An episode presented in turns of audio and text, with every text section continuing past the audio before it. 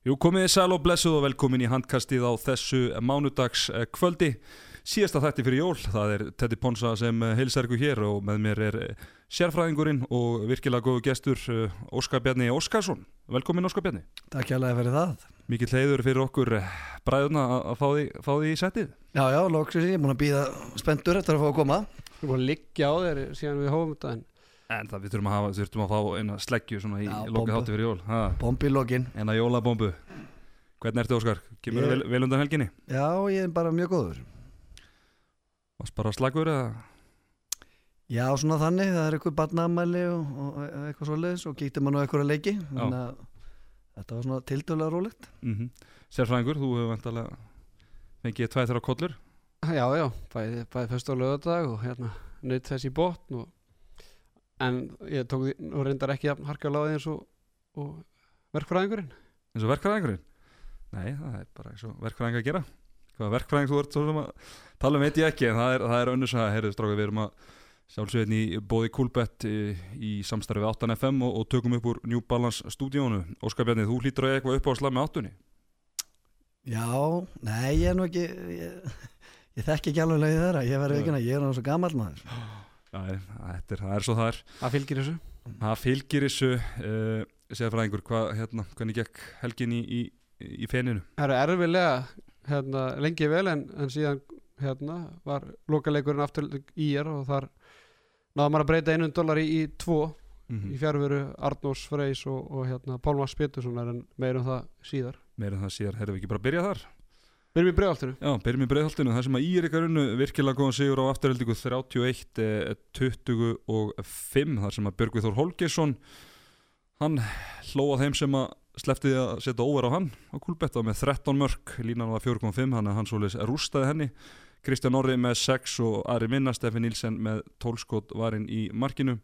Hjá afturheldingu Birki Bendusson heldur upp þennum hætti markaðastu með 6 mörg Átni Bræði Tumi og Einar Ingi með fjögur uh, og það var markmannstúo sem við hefum ekki séð áður hjá afturheldingu Brynja Vignir Sigurðarsson 16 ára drengur byrjaði markinu var með 6 skot varinn og Björgvin Frans Björgvinsson ljósmyndarinn kanái með 2 uh,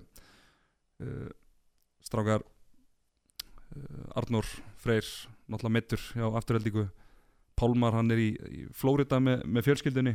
Hann er bara í flugi bara bara, í flugi núna þegar maður var að horfa á hana leik þó að markvæslan við bara horfum á þessu tölfræði hún, við getum sagt að hún hef ekki reyði baka munnin en mér fannst einhvern veginn á holningun og afturheldingu að þeir bara hefðu ekki trúað þessu frá fyrstu mynd Já, það var eitthvað svona vissu leiti. Það var svona varnarleikunni fyrirháleik fannst með að vera öflugur hjá afturhaldingu. Svo var svona eins og að hafa eitthvað vantaði eitthvað að trú og upp á þetta og hann var svona Björgun kannski fá að skora, hann nýtti sér vel fjárveru markmanna tvekja. Þannig að, að, að þetta eru tveir efnilegi strákar, þetta var svona stórbyrti fyrir það en samt var það eitthvað en ekki markvæsla sem að mér fannst að vera aðal mönnur sko. mm -hmm. Áskar, nú hefur þú náttúrulega verið í þessu lengi hefðar ekki reynda að spila hann að leika á sunnudaginn heldur afturhalding hafi reynda að fá hann að leik ferðan til sunnudags eða er það kannski bara ekki hægt Já, ég veit ekki hvernig þetta kom upp eða hvernig Þetta er víst löngu vita með Pálmar að hann var að fara til Flórida en þeir náttúrulega byggast við Arnó Freyr var kannski klára en Já, já. Það er kannski, ég hugsa að það kannski spilað inni með Arn og Frey og svo er þetta náttúrulega bein útsending og það er kannski ekki að hakka þessu. Ég er nú nokkuð örugur að maður hefði reynd að, fá þetta sko og, og munan hans er mikið um Pálma sem var frábær í byggarlegnum og dögum. En ég hugsa að kannski verið þetta bæði með meðslinu Arnóri og svo bein útsending sem hefði svona gert að þetta var erfitt að gera það. Mhm. en bara það er höfuð, ég meina það er búið að liggja núna fyrir að í smá tíma Arnar er búin að vera meitnu núna eitthvað, eitthvað sex vikur eða hvað það er og, og búið að liggja fyrir eitthvað tíma að hann er líklega bara frá, fram að jólum eða fram með jól Eh, að menn sé að missa á svona mikilvæg leik út af einhverju fjölskyldverði í Flórida er það ekki eitthvað erum við ekki eitthvað skrítinni vekkferð þar? Ég veist að það gerast inn á milli því miður í Hamiltonum sko. Það lítur mjög ill út finnst mér. Mm. og ég þekki þetta ekki menn, er þetta að fá flug á morgun eða er það svakalegu kostnaður eða er það ekki hægt eða Pálmar er, er lögmaður eða lögfræðingur þannig að þetta er nú ekki að vera mikið vandamála allavega ég held að hugsa að honum að líða ekki vel líka að vera í flugi núna og, og, og, og senda félagana eina í þess að baráttu sko. mm. en á móti kemur þá held ég að þetta sé frábært fyrir þess að tvo ungu stráka það er að svona gauðra fá oft ekki sensi nema þegar eitthvað svona gerist Mm. og það var stráku fættu 2002 sem byrja leikinn og mikið efni og, og svo annar 2000 þannig að þetta eru tvei strákar sem er þetta á korti sem er gott fyrir afturhaldi hvað mörgu liti En þessi Brynja Vignir, er þetta uh, segir hlustundum aðeins frá, frá honum. Náttúrulega við hefum ekki séð hann áður, er þetta úlingalandslismæður eða hvað? Já, hann er svo sagt hvað annar markmaður í 2002 landsliðinu á, á eftir Adami sem hefur verið á bekknum hjá Ír í síðustu leikjum. En var þetta ekki á bekknum í dag.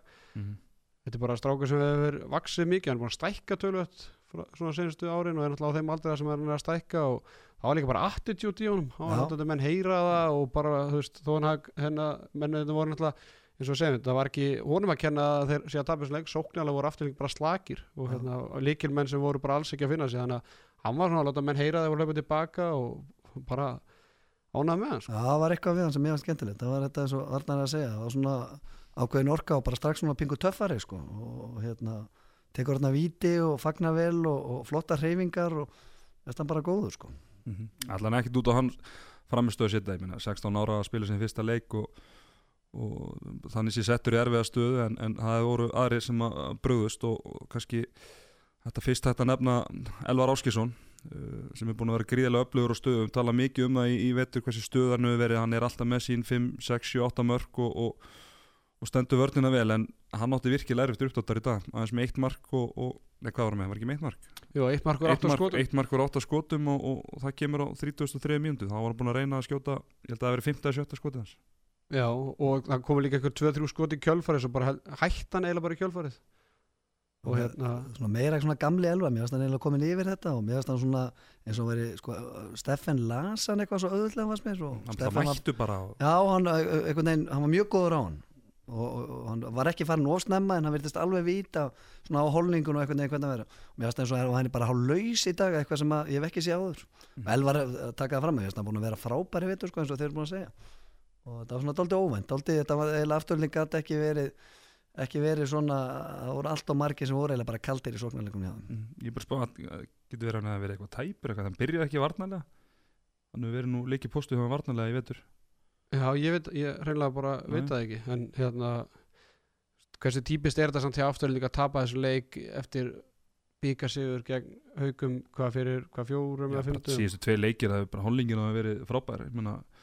vinna rúlið við stjörnuna og, og, og frábær framstækinn haugunum og, og svo kemur þetta. Bara í jólafríi með, með svona framistöðu þetta er svona það er svona viss leiðindi sem fylgja því. Já, manni finnst núna eins og þegar Böðva kom aftur inn að þá eru þeir ansið massíður og þeir síndu þeir fyrir áleik. Þeir eru, veist, varnarlega að geta verið frábærir. Mm. og svo er þeir, sko, Elvar og, og Böðvar þeir eru svo hávaksnir að að það er erfitt að eiga við hann. Einaringin alltaf reyndur og góður þannig að, að afturlingi eru þeir eru konni líka með Arnór inn og, og Pálmar þá þetta er, þetta er, þetta er hörkulið. Mm. þannig að þetta var svona ég, veist, það verið leðilegt fyrir þá líka þeir voru konni svona uh, flotti leiki fyrir jól fyrir þetta þennan. Uh, ég voru að horfa á lýsinguna Gusti Jó, kópöndit hann framtíðina fyrir sér hann þau voru helviti ég, hann var heppinn að vera með Henry Björki Já, með sér og náttúrulega Anton Gilvi að dæma í Já, kjölfarið þannig að það var mikið kyndingar, það voru mikið að kyndingum Já. Já, hann náði mörgum góðum í já, dag já, já. þetta, Ná, náða sjóleiðis Já.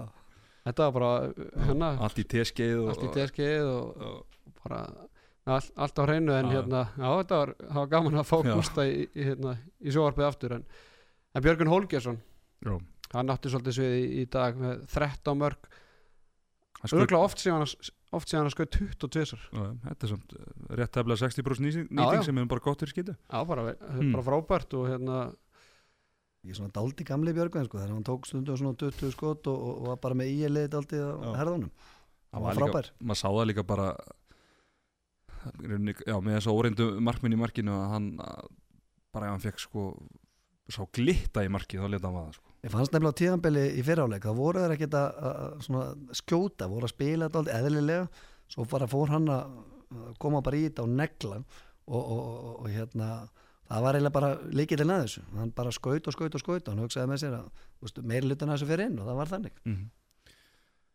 Laugrétt eh, á nú töluvert um för- forföll í írliðinu þannig að þeir hljóta að vera greiðlega ánæður að að- fara svona í jólafrið já líka bara mikilvægt að fara með sigur. Þegar ekki unni marga leiki á tíðanbili komin við fjóra sigur nú í 13 leikum fara upp fyrir K og er komin í 8. sætið.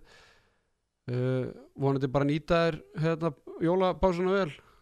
Kannski þær hendi sér á, á stórumót Náðu því í janúar eða? Já, en, en bara vonandi nýta þessi pásunótt því að þetta er, þetta er sko liðið er miklu betra en, en hérna staðan gefur til kynna Mhm. og eiginlega bara svona, auðvitað er búin að gera þrjú jattefli og gera jattefli heima öllum móti Akureyri og svona skítin jattefli og hafa verið leik móti FH til dæmis og, og fleiri leikum þannig að bara vonandi að ég, ætla að vona að þeir svona stíjans upp í hérna setnum verið, þetta er svona ekki setnum, eftir árum, að þetta er svona lið sem getur unnið öll lið á, á góðum degi Mm. Svona e- eitt að fá liðanum hann í botbaratunum þetta hefur Káa náttúrulega unnið haugan og Akureyri náttúrulega búin að vinna Selfoss og svona þetta er svona lið sem t- trúir fyrir leikar getur unnið betur liðan Já, þeir eru með mikið af vopnum og þeir voru varnarlega mjög góður í dag. Og gaman að sjá Sveinandra mér að stann svona aðeins góðan tilbaka líka.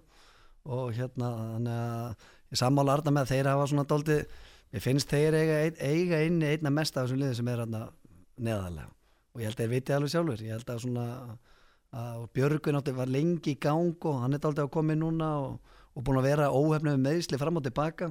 Þannig að ég held að, hérna, að vera gaman að fylgjast með þeim eftir áramót. Ég held að, ég held að þeir munu gera betur. Það er ekki annað í búði Mhm. Já, erum við ekki að rósa Sveinandra? Hann uh, spilaði svona varnarleikin, eða spilaði kannski ekki mikla sókn í þessu leik en, en hann endaði með þrjú mörk hann var öflugur í setnibilginu og hann er með nýju löglega stöðunir Já, og líka bara Birgir er bara það er ekki margir sem að er að stöðva hann, mér finnst hann spila góða vörn á hann mm. sérstaklega svona það leið á leikin Já, sérstaklega Já. setnáleik Absolutt, uh, er nokkuð meira þetta að segja, drengir? Nei, það held ég nú ekki Það held ég nú ekki, þá förum við á Selfoss þar sem að, tja það eru óvænt úslitt uh, Selfossinga töpuðu bísna öruglega 28-34 gegn Akureyri og hvað var ekki mest 8-9 marka munur, munur. níu marka munur.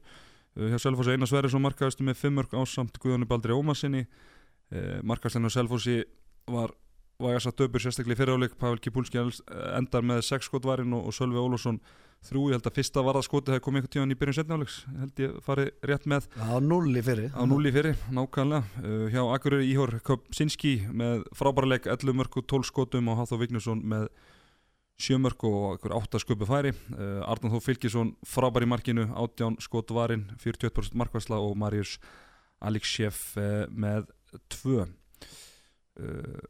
uh, Óskar Bjarni eru þetta óandustu úslitt tímambilsins hinga til?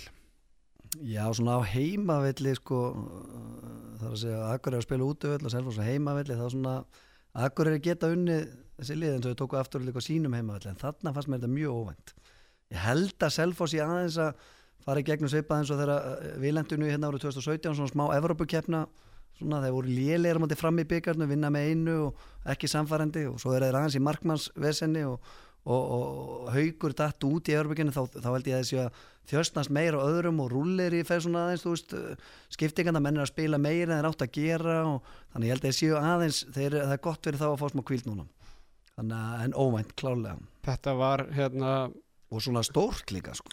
Já, ég meina, sko, ég er náttúrulega bara með að vera flugurt að tala um hann leik út af fjárhæðina sem ég tapaði þessu leik og margir er nefnilega ekkert að hlusta á þetta en, en þetta er náttúrulega bara geðvett fyrir dildina og hérna, þetta sýnir bara núna eru bara öll lið búin að fá stig, ég meina grótana er í aðtefnum IBVF og það er kannski gróta er kannski eina liði sem er ekki múin að vinna eitthvað svona að þeir eru búin að nála í hansi vel Já. þannig séð en þú veist, Akureyri núna sýnir að þeir geta unnið öll liðin og KL búið að sína það nú þegar og Mhm. þannig að bara frábært framarinn er kannski ekki búin að vinna Nei, en Ég held, og ég held að gróta á fram þau geta tekið stig og ég held að svona það lið sem að verður deildamestari það er kannski það lið sem klárar þessi lið. Mhm. þau er á toppnum, þau munu svona tapa sín og ein- eitthvað einbyrði sko. En, en það er svona hverju klára þetta? Ég held að klárlega eins og við erum að sjá með þessu að þessi lið þarna, þau munu taka stig.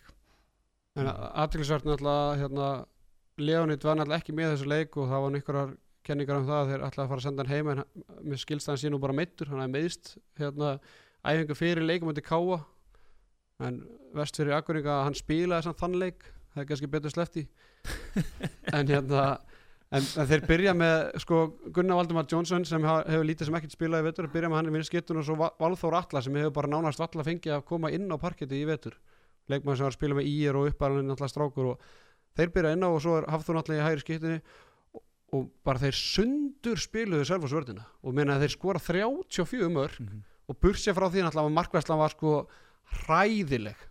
Veist, jú, þeir verja nýju bolta en síðan 25 minútur ekkert að- við það að sagast en sko það er eitt mark í byrjun setnáleiks Nei, meni, þegar leikurinn er bara farin þá eru þau með 0 bolta varða. Og Valþór Atli skora eitt mark sem ég sá á Selfoss TV það sem að 5 milli 1 og 2 er nánast komin út af vellinum kasta með vinstri á nær og í markið. Þá, þá svona lýsendur á, á sælfastífi bara hristu hausun og sagði bara hvernig anskotan fór þessi bolt inn sko. mm. og það var bara á tímabili eins og markverði sælfastíka hafi verið með peninga á þessu leik sko. þetta var svo daburt það er bara þeir náðu ekki að klukka bolt á tímabili en En voru þeir ekki að vinna samt leikil með sér fyrra þó að veri? Það var kannski, jú, jú, kannski var litið betra en þetta. En, algjörlega en, en mér fannst bara akkuringarnir líka bara skera þetta vel sælfastíkandi fari í marga tegundur af vörð, fari í aggressíva vörð og þá bara spilu þetta í gegn og Valþór bara gerði þetta vel Já. var stjórnaði spilinu vel og skoraði eitthvað þrjú mörg og, og náttúrulega Hafþór náttúrulega átti arvarslagan leika móti Káa en hann heldur betur þetta kom tilbaka í þessu leik og enda með sjö mörg og nýju skotum átta skupi færi Mm þannig að ég held að sé líka að þetta hefur verið mjög mikilvægt fyrir akkurat liðið. ég er mjög Gríðilega bara, því ég menn þeir eru ekki fall- Sérstaklega þeir, sérstaklega eftir að tapa þessum uh, nákvæmna slag þarna Já, og síðustu eru líka bara konur upp á fallsætu núna í jólafrið, það er helviti Já. gott fyrir sjálfströstu og, og hausin að vera ekki í fallsætu það er í þessar jólapásu. Jólasteikin verður litið betri þegar Já, að... hún er ekki alveg jafn svöld Nei, það er bara rjúpur maður ha. En uh, uh, Já, Íhor. að Ríka Rósa Íhor Kopsinski 11 mörg úr, úr 12 skotum og hann var svona, hann var nálætti að vera í úrvarsliðinu hjá okkur í fyrirumferðinni en, en við ákvaðum að velja orðafrey en hann hefur verið að velja eftir þennan leik þá hann nú allan að komið en sterkast í greina heldur en hann gerir þá er ekki bæði þið og setni bylgjan að velja villasa menn með allir virðingu fyrir þeim góðu ungu sem að þið veljið. Er þetta ekki búið að vera besti leikmaður? Vinstur hóndamaður? Já, það er svona allan að geri, geri, geri mjög stert tilkall sko, alveg klálega og allan að þessi leikur hefði allan að breytt, hefði líklega komið honum. Hvað segir? Hver er... þeir voru mjög jafnir voru mjög, jafnir mjög fyrir, jafnir sko. fyrir, fyrir, eða eftir Það fyrir var svona, var svona svo staða sem var eiginlega erfiðast að velja. Það var svona eiginlega engi sem svona stóð virkilega upp úr sko. En bara frábær leikmaður og, og Já, hann líka bara skora Já, hann skorur öll, hann skorur á vítum, hann skorur hraðaflöfum og skorur náttúrulega úr, úr hotninu svo er líka svona öflugur að koma upp úr, eða, veist, úr vinstra hotninu annarkvart með bolta inn á miðuna og, Mm. og sterkur einn og einn þannig að það er bara útrúlega þessi maður hafi verið spilið fyrstöldinni í fyrra Já, sko. allt og góður fyrir vistildina. er svo var annar leikmaður Garðamá Jónsson ég verð nú að hrósa honum líka hann var nú bara Káamaður eða ekki, hann er káamaður held ég, Ég, örgulega hann var allan að, og, hefur bara litla, er. litla sem enga reynslu held í úr eftir deildin hann er bara að taka þetta á hotnu og eignan sér þetta og Hann bara solid leikmaður. ótrúlega segur. Já.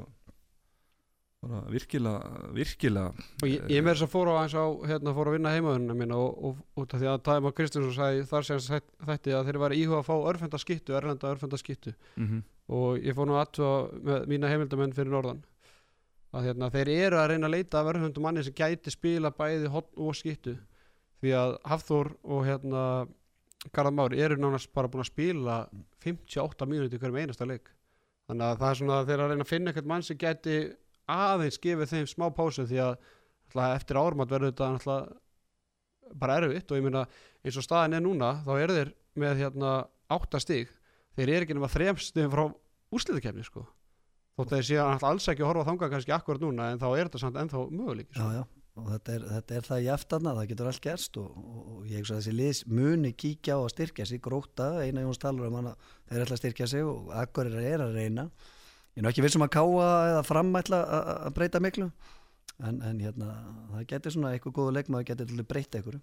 mm uh, Elvar Örn Jónsson sem að margir tippa á að bara muni byrja á miðunni með landsliðinu í fyrsta leik á, í Þískalandi eftir, uh, eftir áramót að hann var nú ekki beint í landsliðsklassa í, í, í þessum leik með einhver hvað, sjö, sjömörkur Nei hvað, með, já hann og Elvar, hann og Haukur saman sig með sjömörku, nýtum skotum og, og Elvar með einhver fjóru tappa á bolta og við tökum átnastein inn inn í þetta mengi þá eru þetta Elvar Haukur átni með 11 mörkur 28 skotum Er þetta ekki líka svona ef að markvæslan er gengur illa hjá þeim þar og þeir Mm. svona þá voru þeir einmitt ónda svo góður í að vera daldi agaðir og góðir Mm. og, og þarna svona hafa þeir aðeins farið úr sínum sóknarleik held ég líka og kannski eðlilegt, við erum alltaf að vitum líka að þeir eru ungir og alltaf, en ég held líka eins og ég kom inn á þann ég held að selfinsingandi séu ekki alveg á þeim stað sem þeir eiga að vera ég held að svona það að haugur hafi dottu út á Európa-kefni og þreytan -hmm. að þeir eru ekki að spila sem besta bolta akkurat í dag svo En- kemur markvæslan ón á það sko. Og þetta er náttúrulega bara búið að fara úr því að e, eftir að er unnu val Já. fyrir einhverjum sexum fyrir síðan eða, eða svo að þá töluðum menn bara um að þetta, þetta lið væri bara óstöðandi og, og þetta væri svona the team to beat en svo í kringum eins og þú segir, í kringum þess að Evrópikemni, bara síðustuleikjum, þeir hafa bara alls ekki verið samfærandi. Þetta er svona svona verður það verður eitthvað lið sem er, ég fannst haugarnir vera, ég held að þeir verður reynilega bara ósegrandi Mhm. að mettu val. Já, og núna valur. Já, nú valur og þetta er eiginlega það lið sem er akkurat á þessum stað fyrir úsleikefna, það er Mm. svona það lið sem maður á að tippa á, það sem er akkurat í taktinu þá. Mm En svo eru F-fáingunar alltaf hangaði fyrir neðan. Já, þeir eru kannski búin að vera einna stabilastir. Já. Svona rósa á þá með það. Mm Klárt mál. Uh, Patti Sæmit, ég við tala Já. eftir leika þetta væri sennilega bara lélegast að framist að selfinsingu undir hans stjórn já, ég held að það sé alveg þetta kvitt undir það. Ég finnst varnalega svo ég svona aðeins góð með smá svona því að það er nú alltaf svo, allt svo æðislegt á Selfossi og svona, þetta er alltaf ykkur svona frábæri strákar að koma upp og frábæri akademi og og að patta gera mjög góða hluti mér finnst stundum sem er bæði kostur og galli sko, hvað er besta vörni á Selfoss?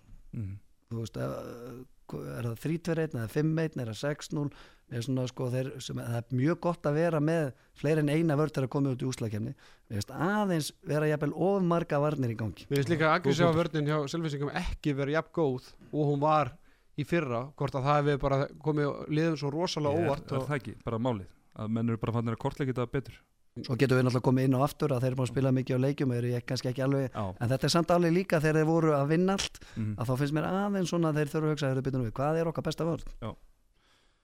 mjög góða punktur. Er það nokkuð meira um þetta að segja? Voru við búin að tala um kannski Arnar Fylkisson, Rósa honum aðeins?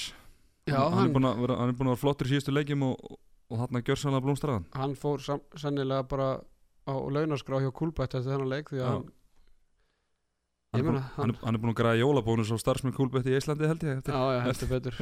Átján boltar og, og hann ætla svo kemur Marius inn og verið eitthvað tvo þannig að hann enda með eitthvað 20 varða bolta og þetta í 29 Já. þeir verða jafn, jafn mikið greinlega í setnafleik og eru fyrirháleik liðin út af því að hann ætla var 11-0 í, í hálfleik sko.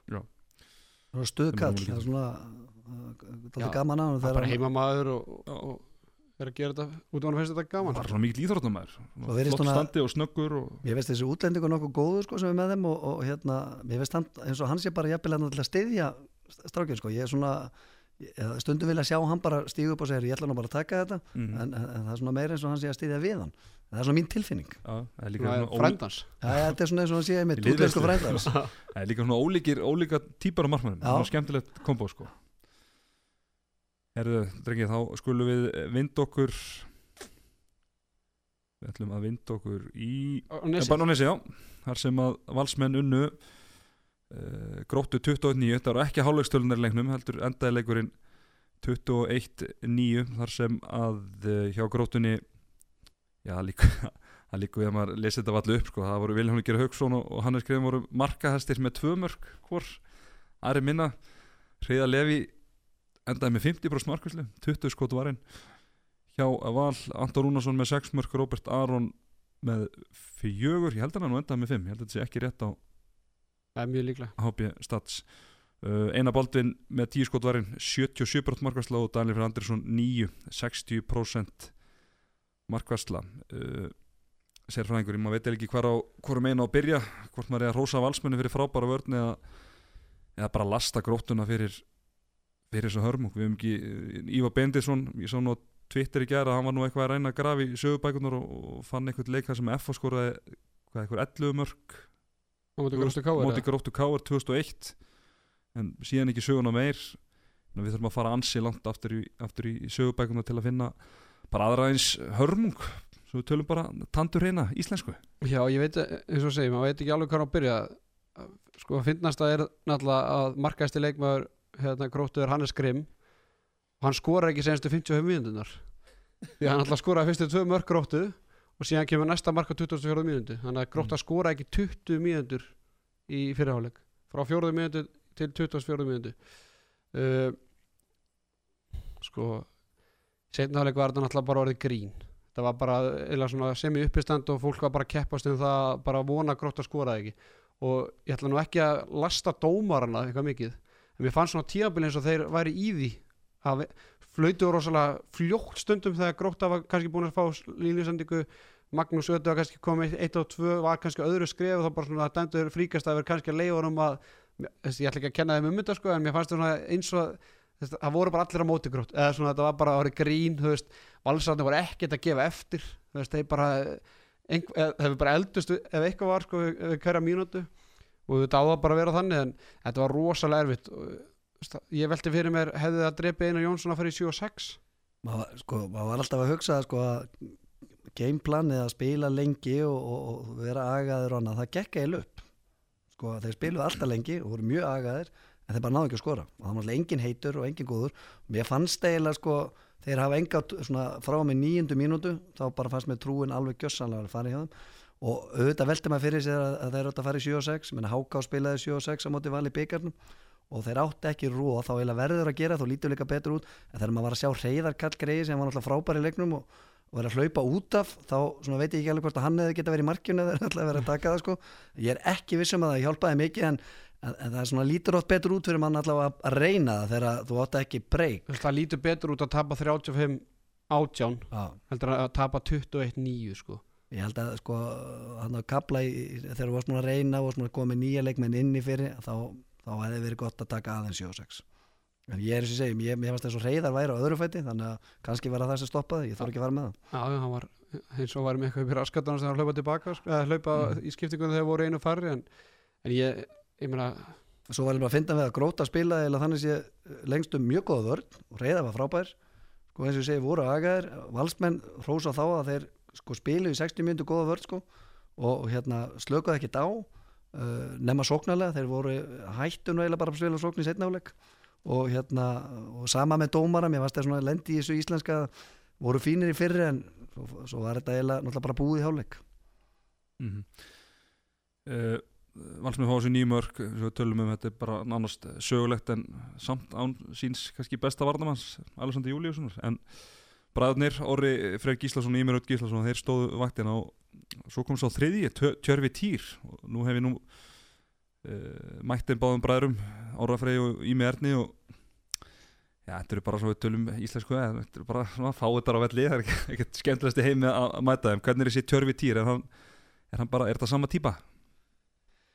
hann er aldrei öðruvísi típa heldur en þeir tveir, þannig séð en hann er, ég hugsa hann verði alveg eins þarna hann verður, hann er hörku varnamæður Mhm. og línumæður eins og þeir og, og spilaði frábælega með 2000-landsleginu Króati og hérna hann er efnilegur og ég held að hann, sé- ég held að hann verði alveg sama sko, varnar skýtsegi eins og þeir. Það er allavega vonandi fyrir val. Mm -hmm. ég meina alltaf hann hekk ekki lengi inn á öllum og fekk tvær myndur já, já, einu og það var eiginlega frábært og mér. Varst líka frábært að þjálfur hann Gull og Snorra að sko láta á þrjá spila saman. Ekki þannig að kvíla orra eða ími og góðan þá með tjörfa þetta fengur að vera þrýr inn á. Það var svona eh, eins og í gamla daga þegar Arnó Guðjónsson skipti við eið þegar það að spila saman. Já, þannig að það rósa þá fyrir það, það var mjög gott. Enn eitt leikmaður úr Lavalsi akademíunu sem, sem að spilar í ólistildinni Óskar Bindi, þú átt nú eitthvað, verið með puttana í þeirri akademíu. Já, ég menn þessi árgangur er náttúrulega mjög sterkur. Þannig að margi frábæri þjálfur komið að sem dæmi Arnardæði og Max og Heimir og annað og, og það, hérna, það eru tveir með þess að góðu línumenn er þannig að þeir eru góður að koma upp, það er gott. Mm Magnús Óli, hann er búin að vera sjóðandi heitur í, í, í síðustu lengjum en þeir kannski þurfti ekkit mikið um hans framlega að halda í, í dag, tvö mörg úr, úr sjö skotum. Já, hann reyndi og reyndi en bara reyða var náttúrulega bara eldi í markinu og hérna lokaði þessu bara, var með enda með 50% markvæslu uh, sko skotnýting vals var náttúrulega bara ekki góð. Og hérna þeir eru búin að vinna gróttunum að tvívegis með því að skora 21 mark og svona eðlilegum degi fyrir gróttu þá, em, sko, maður veit náttúrulega aldrei hvort að skotnýting vals hafi verið eitthvað skárri ef staðan hefði verið öðruvísi. En bara eðlilegum degi hefði þetta verið bara erfitt fyrir valsarna með að hvernig varnarleik grótt að spila og, og, og reyðan alltaf í, í hérna S-unni sínu. En það er bara aðteklist að, að Valur er búin að vinna gróttu tvívegis og skora 21 mark í báðan leikum og, og grótta skora samtals 24 mörg í tveimur leikum og svo, ég menna, á fyrstu fimm skotunum hjá Val, þá er reyða búin að verja fjögur. Og ef að grótan hefði kannski náða aðeins að byrja betur og, að því að mér fannst þér, ég, eins og ég sagði það áðan þá fannst mér þetta bara alveg trúin gjörsanlega bara á tíundu myndi að vera að fara sko. en ég meina Magnús Söder og Jóhann Reynir. Annan leikurinn hjá Magnús Ötter sem að hann er bara, bara ekki kveikt á honum. Nei, hann þetta var bara hann átti vonda leika mútið IBF og, og, og ekki á þessi mikið skári 1-14 ja, Magnús Söder með 1.14 og, og Já. Jóhann Reynir með 1.9 er að meitu svo hann Leonard eða, mér fannst það hann veit bara verið hóttinu en ég meina þetta er bara þetta er náttúrulega bara hræðilegt og ég veit ekki hvort það sé að skrifa alfæri á góða hérna valsvörn eða hvort að gróta hafi á, En mér finnst Jóhann miklu betur heldur en þetta sem ég sá ekki er og, og ég, mér finnst að það er það sem ég sé til hans líka ég finnst að hann eiga mikið inni. Ég að mun betri bara þegar hann var hérna í, í vikingi í Dansku ég, ég held að hann muni koma upp eftir áramót. Þeir verða að gera það, grót er á botni dildar hann er með 60 eftir 13 umfyrir Já, mér finnst gróta Mm. sko, mér finnst þeir alltaf að vera sko, mér finnst ekki það að vera leiðilegt að horfa á grótuna, mér finnst þeir alltaf að vera að leggja sér fram að sér ákveði plan uh, sér ákveði svona sem er gott og, og svona þjálfæralega bara fínt. Uh, verið inn í mörgum leikjum og allt svona sko, en auðvitað þarftu bara að fara að hala einn stig. Þetta verður alltaf bara erfiðar og erfiðar og erfiðar og það er eins og það þurfi einhverja og með reyðar sem getur tekið svona leiki 50% þetta á bara að vera sigur fyrir gróttu á heimaðalli Mm. það verður að gerast ef þeir ætla að bjarga sér. En það er svona eins og þeir eigi ykkur sjálfströst vissinni í sóknarlegin Já, það er eins og kannski þurfi sem að vera mjög erfitt að kannski þarf eitthvað go-to gæja sem að svona eitthvað sem að uh, elskar svona stöðu bara og, og, þú veist að því að maður er svona aðeins fann að sjá á þeim að það er vond að bara spila aftur og aftur og aftur en ég, ég er ánæðri samt með gróttu heldur en mörgunu lið. Mér finnst grótandlumis ég Mér finnst framararnir þurfa að spýta meiri. Finnst uh, sko, meiri gæði per segi fram en Mhm. gróta að gera eiginlega betri hluti. En grótan er núna sko Sex tablikir í röð. 6 í hérna deild Já, og svo pluss byggarleikum Já. með dýpið af Þetta er bara mjög vond Þetta er, og jætteflið þar á undan mot Akuri þannig að þeir eru núna ekki búin að vinna leik áttaleik í, í röð. Uh, einar talaði um það í viðtal eftir leika þeir ætla einhver að styrkja sig hvað er, hvað er í bóði Já og það verður líka erfitt fyrir þá að fá kannski akkurat svona þennan mann sem að kannski þarf akkurat fyrir þá sko. Maximilian Jónsson Jónsson eða geta ekki farið bara í Lavalsi Akademi það er nú sótt nokkra þar ekki þetta, láni þetta er enda aldrei fyndið sko með þetta sko. þetta lið getur spila vörð Mhm. og þetta lið er með góðan þjálfara og þú veist ef það gerist eitthvað að kemur einhver einn og þetta lið vinnur kannski tvo leiki í röð að, þá getur til gestana þetta er svo fljótt að breyta gerði þetta ekki fyrra, þeir náttúrulega unni ekki leik þannig fyrstu umferðunar fyrra. Unni ekki leik, í röð eitthvað fyrstu sex eða eitthvað en, en þurfa ekki bara að skittu Örfenda. Já, það er rétt enda bara. Einhvern sem getur bara hamra á marki bara eins og Tarik uh, skilja, væri með eitthvað svona út af því að sóknarleikuna þeirra er, þetta er rosalega erfitt. Mm. og ég meina þeir eru þeir, sko, Jóhann Reynir byrja út af í gjör til dæmis þannig að, er það bara því að hann er búin að vera svona slagur já, hann er er eitthvað, eitthvað meðsli verið að plaga hann Já, en reyndar. ég meina það, hann samt skaut nýju Já, svona marki í já, leiknum og, já. og, hérna, spila allan setnáleikin og helmingina fyrirháleikum þú veist, byrja með Bjart, þetta er erfið sér Bjart er Átni Benedikt, þetta er svona tveir leikmenn sem er eiginlega bara svona basically hreinræktaðir Já, varnamenn frábæri varnamenn og frábæri karakterar já það er líklega kannski bara auðveldar að fá góða réttanheldur en örfenda Mhm. úr þessu sko ekki nema Max komið aftur Já, ég, Maximilian ég veit það ekki. Hann skulda mér að hann, hann reyfinu svona leðjaka hann heila skulda mér. Ég ætla ekki, að- ég ætla ekki að fara út í þá sögu. Náða hann einhverjum leikjum með þeim þarna þegar hann var eða?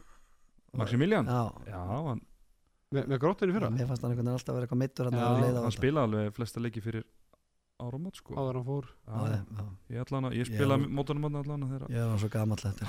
Allt var að renna saman Já, í eitt.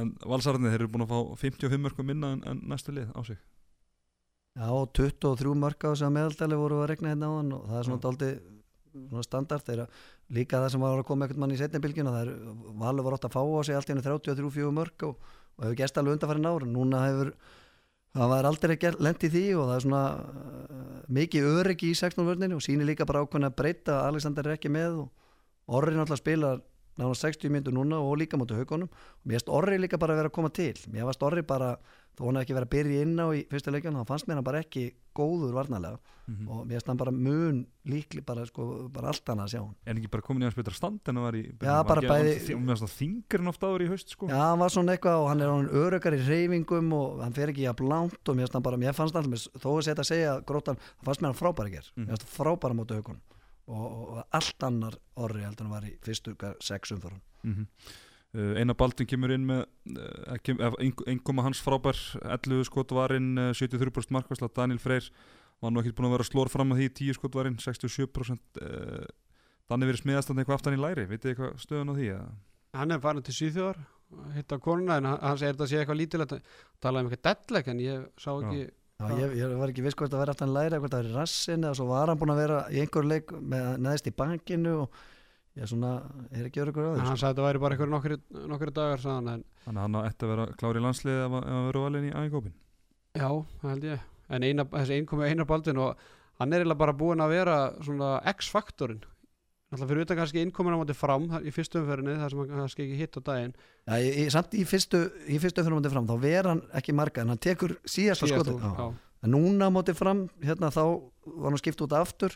Annars er hann, ég hugsa hann sem með alveg sko, En ekki bara með bestu held að sé meina- tölfræðumarkaslinni já, ég held að sé örgulega meina bestu tölfræðinu sko. Og hann, ég hefst hann líða vel með Danna Danni er einlega að gera vel við hann og, og, og maður sér Danna standa upp og fagna og svona þannig að hérna, ég hefst einabaldin sko, hann var náttúrulega bara frábær í gerð og gama fyrir hann af því að náttúrulega Danni er búin að fá verðskulda aðtegli undarfarið og, einabaldin er efnilegur þannig að þetta var, ég held að þetta var svona það var smá búst fyrir hann. Hann er með uh, hæstu prósentu ösluna í tildinni 43,8% Sveinbjörn Pétursson næstu með 39,7 og Danni hann í fjórasæti með 37,3 Þetta er ekki amalegt.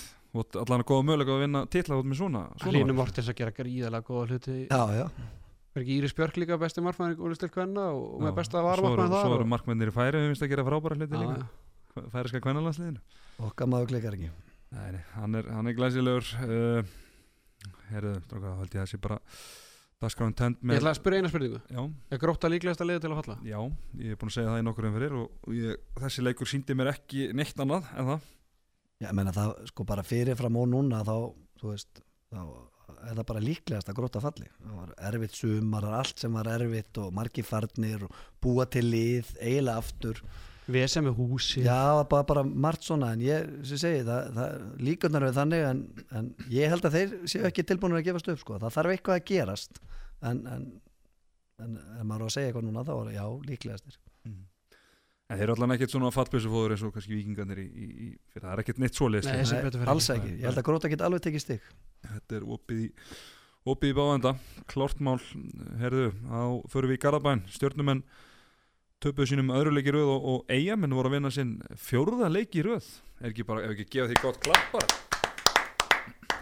Eru heldur betur, við töluðum um í í síðasta þetti að uh, þetta væri svona alvöru prófið þeirra og þeir stóðust að heldur betur uh, hjá stjórnunni Egil Magnússon markaðistur með sjömörk Garðar Benedikt Sigurjónsson og Arondag Pálsson með sex, uh, Sömbit Pétursson með tólskotvarinn og Siggi Segil með þrjú þar af uh, tvö viti hjá IBF Theodor Sigurbjörnsson gjössanlega frábær sérstaklega í fyriráleik með enda með 11 mörg fann að þó Frikisson með sjö byrjaði leikin af miklum krafti og uh, dróvagnin Björnviða Björnsson með tólskot uh, varinn. Uh, Óskar Bjarni IBF eru þeir getur við sagt að þeir séu vaknaðir? Líka bara sterk og sigur að, að, að þetta var svona þessi lið sem að hvað var að segja, eigamenn líka að spila án, án begga. Og kolla er það ekki í markinu Jú, sko, vantar enda Leo og Bjarka í, í stjórnuna Já, náttúrulega vantar í bæði lið þannig að, og, þannig að þetta var fjóri röð fara þetta svona aðeins rólegir inn í, í jólafríð og, og ég held að, að hérna að þetta rói svona aðeins mannskapin ég held að þetta, þeim hef ekki liðið vel hann á tíðanbili og þetta er svona ég fannst líka Fannar vinstarmenn í byrjun. Fannar er jafnvel betri vinstarskita en miðumöður hann er ótrúlega góður þar. Hann er búin að vera bara í, á þessu góða rönni sem er að vera í þá er hann svolítið verið að draga hann á vagn og í rauninu var kannski byrjaðar á því einhver, einhver, einhver leiti í leikjunum tapleikjunum áðurinn fór á rönn hann er búin að vera frábær í, í síðustu leikim meiðist eitthvað í byrjun eða ekki, erfið meðsli kálfa eða hvað var það? Og, og, og hérna hann er, hann er mikill karakter þannig að eh, ég hefast um að hann sé búin að leggja árar í bóta og ætla ekki að ná okkur um árangur hann í mm -hmm.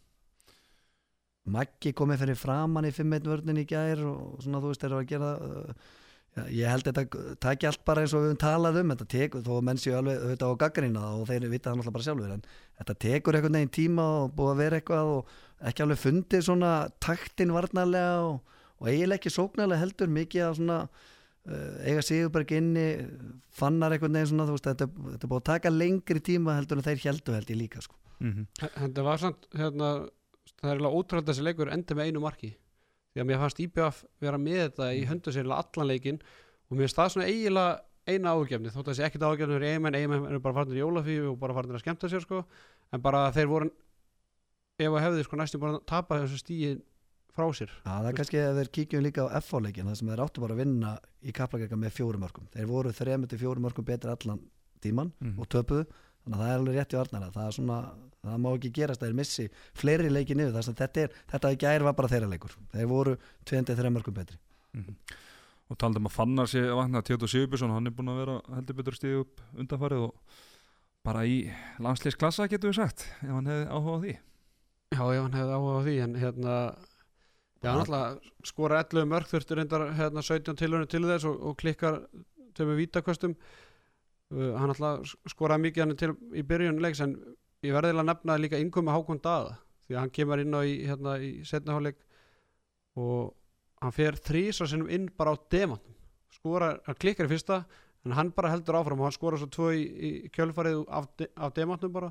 Þannig að það er svona, maður hefði kannski haldið að sjálfströsti væri hérna eitthvað lítið hjá honum og þetta en hann bara var ekkert feimið það að fara í hérna, inn úr svona þröngu færi og, og ánægilegt fyrir eigam en hann sé allavega on board þótt að svona hann hefur kannski lítið fengið að spila og gengi illa og hann alltaf var ekki í hóp hérna í leik fyrir einhverju tveim, þreim umförum síðan.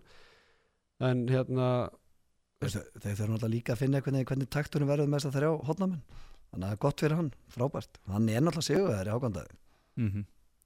frábærleikmaður uh, Rúna Sýtrisson hann kom í vittur eftir leik og, og gangrið sína menn harlega og svona heila sérstaklega Egil Magnússon og Arnold Pálsson sagði bara bara þeirra framist hafi ekki verið bóðleg Egil enda með eitthvað sjömörk en þar til þess 15 skot og Arnold Pálsson með 6 úr einhverjum, úr einhverjum 12, 12 skotum. Og það er sko tapa, tapa, fjögur tapa samtal 6 boltum. Já og hérna alltaf skoraði fjögur, fjögur, úr vítum, fjögur vítum já. Ég fann sko sóknarleikur, ég horfði á leikin bæði gæri og svo aftur á þann að hérna mér fann sóknarleikur í nei, stjórnuna bara lélugur ég er að vera að tekunda það. Ég, eða sko bara, þú veist, þeir voru mótið þessari vörð, þá vilt ekki sækina á miðuna en þeir voru rosalega mikið bara sækina á miðuna þessar ykkur klippingar, stöðufæslu voru heila, þú veist, mér fannst ekki vera neitt svona flæði eða þú veist, það var engin hugmynd á bakvið þetta sem voru að gera sko. Og lengi vel fannst mér aldrei koma uh, svona réttu uh, ég er sammála Arnarni þarna, mér fannst svona 5-1, bæði liðin eiginlega að spila svona 5-1 og mér fannst svona að fá alvöru árásir á tvistana eftir rétt, uh, rétta stimplun og réttan bolta að koma allir í þannig stöðu og það, mér fannst bara ég veit ekki eftir hvað marga mínúnda þá var ég ekki bara að sjá neina svona góða sókn á stjörninni það var rosalega mikið einhver klippingum og einhver svona stöðuskiptum já, já, en, en það endaði alltaf bara inn í þrista pakkanum sko. mm. þannig að mér varst og, og, og, út af því ég bara skil ekki hvernig þetta var leikur Já. 27-28 en, en þá getur maður líka að sig að hérna Fannar Friðgjesson alltaf hann bara er eða var eiginlega bara eða vinnur eiginlega hann að leik sko. Eða, veist, hann er munurinn á því að, að IBA fór með sigurinn á hólmi því að auðvitað skora Tettis 11 mörg og, og, og jari, jari, jari en, en sko Dagur Arnars hann enda með 1-6 Donni ég held bara að væri sko með svínaflensuna sko. Hann bara gerði ekkert sóknarlega. Hann horfði ekki á markið. Hann hann skoraði eitt marki í lok fyrirháleiks, það var bara þegar tímið var búinn og svo hann skaut hann á markið það voru fimm minnir eftir. Annars var, bara var hann ekki með í leiknu ég bara, skapar endur einhver áttafæri. Já, já, en hann bara veist, hann var, veist, hann, hann gaf fullt á tetta í hægri hotnið, sko, en hann bara horfði ekki á markið. Ég með, bara, með þess aðtóða bara hvort hann hefði átt við veikjadastrið, sko, en svo nú ekki en ég hann bara, var ekki með svínaflessuna hann var ekki við sínuflensuna og ekki fuglaflensuna heldur. Nei. en ég bara það væri gaman að setjast niður og greina þennan leik út af því að það var margt í ólægi en samt fannst maður íbjöf alltaf verið með þetta en samt þess er án Sigurbergs og einfarin í markinu einn á báti sko. og náttúrulega fyrir stjórnuna Bjarki er náttúrulega þeirra besti varnamáru þeir eru að spila þess að 5-1 vörd sko með átna fyrir framann og annað sem að þeir spiluðu nú í ái hérna og Mhm. þá, þá er Bjarki, þekkir það mjög vel og, og, og Egil er að spila þarna fyrir aftan eitthvað og líka og, og mér veist svona uh, þeir geta alla verið án átna án Bjarka sig, hann er, hann er yfir bara varnamæður hjá þeim. Og svo Rúnar að gaggrina Egil og Arondag ég held að sér endur allt í lagi. Ég held að Arondagur og Egil verði bara að vita það að þeir eru uh, okkar svona bara stórir og flotti strákar, mjög efnilegir. Þeir eiga bara að vita það ef að stjarnan næri ekki árangur í vetur þá verða þeir náttúrulega bara að bera ábyrð og, Já, og ef þú ætlar að verða einhvern handbóltamaður þá viltu bara taka ábyrð klart mál. Uh, uh, það var í, í, í setnibilginu þá var IBF-vörnin bara jarsungin hérna fyrir einhverjum umfyrir síðan getur sagt að þeir hafa uh, náði einhvern særagamann og, og vakið hann átt til lífsins? Því að hún var frábær í þessu leik og, og sömulegis í, sérstaklega setnjálfum á móti gróttu hann í, í byggalinu sko, vörðni Persi var kannski ekki eitthvað frábær. Enda með að fá 27 mark á sig og við vorum að gagnina sóknar ekki stjórnunar en, en hún var samt töluvert skárið með að það þeir voru að fá yfir 30 mark á sig hver einstu leik hérna á tímabili. En það er svona komið smá rithmi og þú veist, Maggi komin aftur og, og þeir eru farnir að svona, vita hvað er að gera. Þannig að það er vonandi að hún verður bara betur og betur fyrir eigamenn Ég held hún verði það. Ég held að þetta séu að, veist, þó að vörnin Ellingur og Arna voru saman og allt þetta að þá er nýr þjálfari og þeir þurfa að finna taktin í þessu og með leikmennum og meðsli og annað. Að- og það geta breyta að láta Magga stundu vera hér framann hann er frábær þar náttúrulega eins og Elli en, en hérna, ég held að og með vittleysum árásum þá er þetta frábær vörn. Og, og hérna mér fannst mér fannst svona stjarnan ekki spila nóg mikið að geða sóknum á mútið eins og Arna var að segja sko. þannig að uh, og svo er þetta náttúrulega markvæsla líka þetta er erfið vörn oft fyrir markmenn skilur við, skotin eru dálítið svona sérstök og, og svona, ef IBF allar að gera eitthvað og vinna eitthvað titil þá held ég að þeir þurfa að fá sér markmann Mhm. Ég veit ekki hvað sem mikið þið að vera að tala Já, um ég, það í ég, vetur. ég hef verið á því svolítið, já, bara En við svona, við gerðum það til að byrja með en, en síðan bara, en svo bara, svo bara hafa vandamálin eiginlega bara verið það stór og mikil og það er kannski bara svona það er kannski ekki verið forgangsatri Já, já. kannski, það hefur verið svo margt annað sem hefur verið aðhjóðum en við tölum svolítið um það í byrjun og, og ég meina, eh, ef þið ná að spila á öllu sínum sílendur þá er það veikasta staðan þeirra ég held við getum alveg sagt það bara reynd út allar aðra stöður eru, eru sterkar í höfum þannig að, þannig að ef þeir ætla að styrkja lið þá held ég að, að markmaður ætti allan að vera ofalega á, á, á blæði þar. En við sjáum samt sko að þegar Sigurberg er ekki með þá er útilína basically bara fannar dagur Bonni. Róbert eh, hefur svona verið að fá einhverja mínútur í skittunni ég, mm. bara ég, ég hafði aldrei dótt í að huga hann var í skitta sko, ég held að hann var nú bara línumæður sko. Hann var það í gamla daga. En, og svo Dagur Arnars hann er með tæmlega tvö mörka með til leikum með 50% skotinningu hann er svona ekki verið að, að hérna svona uh, grípa tækifærið finnst manni í þeim leikið sem hann hefur verið að fá þannig að ég, mér finnst markverðast að hann ekki vera svona hausverfinu Já, sko, ég vil nú meina það þeir verða náttúrulega að fá Sigurberg líkin sko það er að segja eins og hann á að vera. Hann hefur ekki verið svona jafn öflugur og undarfæri Nátt sko. svona leiki og leiki ég held líka bara þetta þetta er, þeir hafa verið að gefa Róberti síðan sem er bara frábært fyrir hann. Hann er náttúrulega, þú veist að eins og engin, engin vissi eiginlega, hann verið skitta en menn tölu oft um það líka ykkur fyrir norðan að, að, að það var bara búið til, búið til varnamann úr húnum en, en hann gæti alveg spilað eitthvað sókn maður hefði bara ekkert séð það. En sko þetta er líka kannski vopp fyrir það að láta fannar vera vinstraminn ég held að sko hann mun nýtast vel fyrir það þar. Og þeir, þeir verða alltaf ég held þeir verði betur og betur eigamennir rætur um það? Já, er það var svona skemmtilegt svona aðtöku utanvalla því að þó Bjarki Már Gunnarsson hafi ekki verið inn á vellinu þá var hann nú samt í, í hlutverki á stjórnunni Arlandari Það vil ekki beina sér til Óskars Hvað séru? ekki beina sér til Óskars Já. þeir eru getur fara að stofna eitthvað félag Já, herðu, já, þú er náttúrulega Var þú verið littakur í stúkunni genið tíðina og nú Bjarki Þór Mark Gunnarsson, hann var að, bara á trómunum á nú til frækt myndbrot á þér það sem að uh, er bara fyrsti leikurinn eftir að uh, þú varst ekki lengur aðstofar þjálfur í landslýsi þá ert þú stýra, stýra umferðinni þar. Flestir sem gera þetta. Já, mjög eðlilegt en Ja, þetta eru svona toppnáðungar eins og ég og Já, Bjarki svona, svona pingu nörda sem finnst þetta bara gaman Já, sko. bara- ég bara hef mjög gaman að þessu. Er, þetta er ekta Bjarki, hann gæti ekki tekið þátt þá gerir hann þetta. Þetta er, þetta er, þetta er topp eintak. En svo má ekki gleyma því að Ari Magnús meiðist líka í þessu leik þannig að það hjálpar ekki meira að vera með átuna þá frekar í skiptinu sem getur ekki kastað á markið þannig að mm. skrítið að hann taki þá loka skotið Já, í leiknum. Já. Þannig að það var ennþá okkar 5 sekundur eftir þar átnið skýtur á markið þannig að hvort það er hann var fríkast þetta búin að vera ágætlega heitur þarna. Já, en það var En- en- skot á 6 metrum Já, einmitt og þetta var ekki það ekki var stjarn, ekki, ekki fast að það skot sem maður hefur séð. Stjarnan á nú endaldi aðra inni eftir áramót. Algjörlega, er bara Það er svona búin að vera frábært deildarleikmaður finnst mér sko. leðalt fyrir stjórnuna annað- öðru fætinum einhvern veginn í- leðalt fyrir stjórnuna að fara í, í jólafríi með tvö töp á bakinu gegn svona afturlíku í BF liðana sem þeir hefði getað að fara upp fyrir afturlíku með þess að hefði runni afturlíku í senjastumfer og svo fer IBF núna upp fyrir stjórnuna sko, þannig að þeir eru bara komin í sjönda sæti þar sem að margir sögða þeir ættu bara heima. Mm. eru þeir ákveða rótera kynni í, í, miðurleik Já, ég held, ég held að ég veit, veit ekki alveg hvort þetta hefur verið Sigrún María sem byrjaði, það var alltaf einhver stelpa. Já, síðan kom Maggi Disco um miðbygg fyrirháleiks og kláraði leikin það átt að reyna að fá smá diskóstuði í þetta. Já, það er þess að kveiki í þessu. Það er að kveiki í þessu. Hann hafði kannski verið bara á giggi og ekki verið að komist það getur verið, það er eitthvað jólaball eða eitthvað. Hvenær var þetta á sunnudag? þetta var Hann ekki er- já, hann kannski er yðgæðar eftir lögataskvöldið Já, nokkað maður er bara verið okkur í jólaballi og svo mætti hann hann já, bara feskur. Já, Er það flott mál, heyrði, þá skulum við henda okkur í, í, í sjankarkofan á ásvöllum þar sem að haugarnir unnu K.A. 33, 20 og 8 og vantala þá endalega búinir að eh, bætu fyrir tapið fyrir Norðan, búin að vinna á bæði í deild og byggja núna á síðustu vikum. Uh, Allim og Bárusson Læðan. Lavalsia Product með 10 mörg úr 14 skotum, Daniel Linkarsson með 6 mörg, Gretar Ari með 12 skotvarinn og Andri Simarsson skeming með 5 hjá K.A. Ági Eilsnes með 8 mörg og Tari Kasumovic með 6 ekki fyrsta skipti sem við sjáum þessa tvo uh, markaðasta á lista hjá Kámurum Jón Kukubat með 10 skotvarinn og Svavar Ingi Sigmundsson með 1 uh, Óskar Bjarni getur ekki sagt að þetta séu bara hvað að segja, elli úslitt Jú, ég held að uh, hérna, haugarnir múin að tapa í byggarnum og, og einhvern veginn ekki alveg nógu samfæranda mútið val og FA og, og ég held að ég hef alltaf lagt peningin á, haugarna þannig fyrst við erum alltaf að vitna ykkur, ykkur veðmál hérna? Mm -hmm.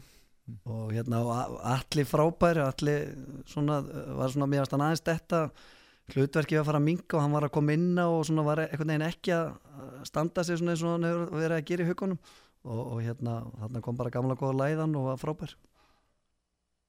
Gjössalega frábær. Uh, Arnaldæði Káamenn 1928 mörgum erlendis frá. Já, það er hérna mæði mikið á Áka og Tarik náttúrulega sóknarlega og svo náttúrulega Allan Góður skoraði mikið hann í byrjanleiks ég held að var komið fimm mörg bara á fyrsta korturinu Já síðan Hann ekki. á, síðan ekki söguna meir. Hann á til að byrja leikina heldur stert og svo svona svo sá, sáum sama, sama trend á móti í síðustum fyrr já, ég kannski ekki bara í, er það standið? standið náttúrulega hvað nefnbrotnaði hann ekki á móti IBF og Jú, ég held að báðir eigi daldi inni þarna sko. það er náttúrulega uh, hérna, þetta er kannski sko bara mikið að leikjum og krefjandi æfingar og, og þú veist, deildin er bara mjög sterk hérna og svona, ég held að þessi tvei stráka þau eru svona kannski aðeins að þeir, þeir eru mjög góðir mikill fengur fyrir káa en ég held að þeir eigi sko, þá er ég að ég held að það leikið pingu hjá þeim bara að auka það aðeins svona prívat og persónulega. Ég held að, að það muni hjálpa þeim aðeins. Nú varstu svolítið alþjóðlegur hérna Óskar og ég hlóaði í uppbytunum þættinu fyrir, fyrir móti að, að líkilmaður káa kemur frá færum er þetta kannski eitthvað sem íslensku liðan ættu kannski að, skoða en, en þá betur? Er, er þetta tveir bestu leikmenn færi veistu það, þekkir þetta sko, eitthvað? sko ég færi er með mjög sterka 96 árgang sem fór fyrsta sinn í úsleikinu er þeir báðir 96 þessir? ég, ég bara, Áski- Áki er- Ági 96 og bara með að þið talið saman þá skal ég bara fletta upp. Sko færeigendur hafi verið miklu samstarfi við Dani og þeir hafa verið að senda mikið af strákum til í sko akademíur. Og þeir eru með mjög góða stráka, stráki í Skanneborg, ungan flottan og, og hérna þannig að það svona er pingu uppgangur í, í færiðu með þetta, þeir eru vilja þeir eru að reyna að auka í mitt sko magnið að æfingum og, og reyna að senda stráka eins meir út og þannig að ég held að þetta sé óvittlust og greinlega, það bara sést að, að þessi tvei strákar eru bara eru bara mjög góður í þessa deild. Mhm. og gaman að því að því að við kannski höfum pingu fordóma eins og höfum að tala um að þeir, þetta væri ekki nógu gott sko en, en það er kannski þetta var að leita þangað. Uh, á Allan er 94 og Ági 96 svo því sér haldið til haga. Uh, Óskar Tarik Kasumovic hann eftir kannski brösa byrjun að þá hefur hann heldur betur upp. Hvernig svona þín skoðan á honum sem leikmanni? Ég held þeir myndu henda honum heim sko bara strax, ég bara mér leist ekkert á hann og hérna mér leist bara ótrúlegt hvað hann er að, að og hann er svona þegar haugandi fór að ganga út í hann og hann var pingur hrættur og, þú veist og hann, en mér leist hann bara nýtast þeim frábælega og þeir eru bara að gera eh, vel, uh, hann verður bara svona eiginlega betur og betri og getur skotið á 10-11 metrum og oft með lélega nýtingu en þeir verða bara að gera það. Svo þegar hann er fann að skora á 10 metrum þá opnast kannski fyrir þá og, og, og hérna geta kannski fara að nýta línuspil eða gera eitthvað meir úr þessu. Og mér veist bara hérna hann er komið mér óvart og og bara vaksandi sem Mm. er bara frábært fyrir þá að að geta stokkið upp á, á, á 11-12 metrum Já. og, og, og plaffa á markið Já, mér veist þetta svona allt sko vera þannig að séu tveir eiginlega líklegustu mönnum að skora 11 metrum séu báður í haugunum sko, eiginlega þú veist hérna og eina sverri stundu þegar hann hefur Egil er gíflum. Magnússon Já, reyndar Birki já Ben hefur nú stíð upp í Já. síðustu leikum Já, og, og Birkir sko, en þú veist, ég er að menna hann, ski, hann, er nú, hann, hann getur já, sko. já. mm. og, og hérna en þess, sko, þannig að mér er alveg frábært og þannig að það er gott fyrir deildin að vera með eitthvað 7-8 svona leikmann sem geta lift sér upp vel fyrir utan og þetta er bara nöðsil mörg fyrir, fyrir káa mm. uh, Jón Gúbátt hann í fyrirleiknum í deildinni þá heldur betur dróðan tennundar úr, úr haukamönnum en hann náði sér ekki alveg á sama flug í þessu leik og endar hann með eitthvað 25% markvæslu þeir náttúrulega hefðu alltaf þurft í kringu 40% vöslu frá honum til að eiga, eiga sens í haugana á útöðli þetta náttúrulega var bara einhver geðveiki hann í fyrirumferðinni Já, ég held að hann hefði verið að spila sin lang, lang besta leik það sko. En, en hann er með sko, góða staðsendingar og er fýtt markmaður en mér finnst hann eiginlega þurfa að eiga fleiri svona leiki, ekki alveg kannski þessu aukaleikin en svona hann var góður á móti val fyrir norðan en svona aðeins meira en á svona klára leiki. Mér finnst svona svo reyðar, hann getur klára stig fyrir gróttu. Og Káa þarf kannski aðeins svona að ná að svo náttúrulega kannski er uh, spurningamerki, maður er ekkert séðan Svavar sem var, er fættu 2000 ungur emlulega markmann, maður veit ekki alveg hvað gerist ef hann skildi meiðast eða eitthvað svolítið sko. og, og, en ég, myndi, ég vil fá að sjá fleiri leiki á honum þar sem hann eiginlega bara vinnur leiki Ég held, var þetta ekki líka mútið K Nei, var þetta ekki mútið F þetta sem, jú, Kúkubætt varði er leikin eitt en samt fá Svavar lítið sem ekkert inn á í þeim leik, við minnum það já, já. þannig að ég- ég held að þeir treysti Svavar er lítið sem ekkert það var frábært að hann fekk að koma inn á í lokin þó að það verði ekki mikið það, því að það hver mínúta og hver skot fyrir þess að stráka er svo, er svo gott og kannski eðlilega eru menn hrættir að koma með hann inn en, en kannski að kvíla hann í sjö mínútur og koma svo aftur með hann inn og ég veit það ekki. Við erum alltaf mikið að vera að hæla Orða Frey Þorkelsin en þetta var kannski hann, hann slagast að leika hann klika tveim vítaskotum og skora fimm mörkur úr tól skotum.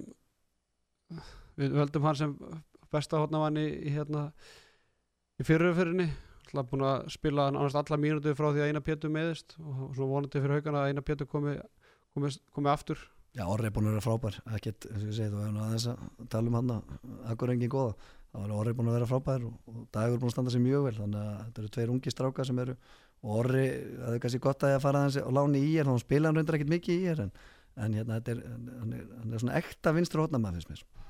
Og svona bara tekur sín færi og flottur. Markagráður. Já, sem er frábærstur hótnamaður sko. já. Pappans var hann svona markagráður. Nei, Já, pappa sá frábær hann er svona, Svona ég- er ekki af svona orði miklu meira kokki heldur Já, en pappin sko. allavega svona að sjá hann þá er hann einmitt lýsir þessu vel, hann er meira kokki. Mm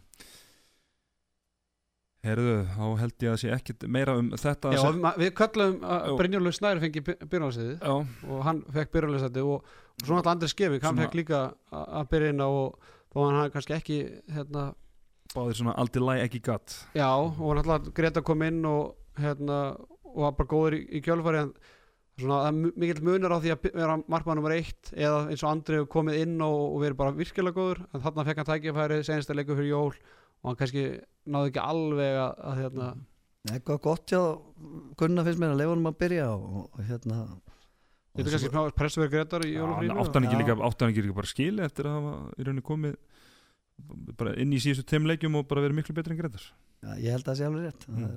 og Gretar í sjálfur sér er búin að vera bara nokkuð góður í vetur, vil ég meina. Hann, og þessi tvei strákar, þetta er bara haukastrákar og með góðan skóla mjög góðan grunn finnst mér og, og hérna, góðar reyfingar hjá þeim báðum mér. Og þannig að það er svona spennandi að sjá hvernig úsleikefnin og einhverju stórleiki fara með þá sko.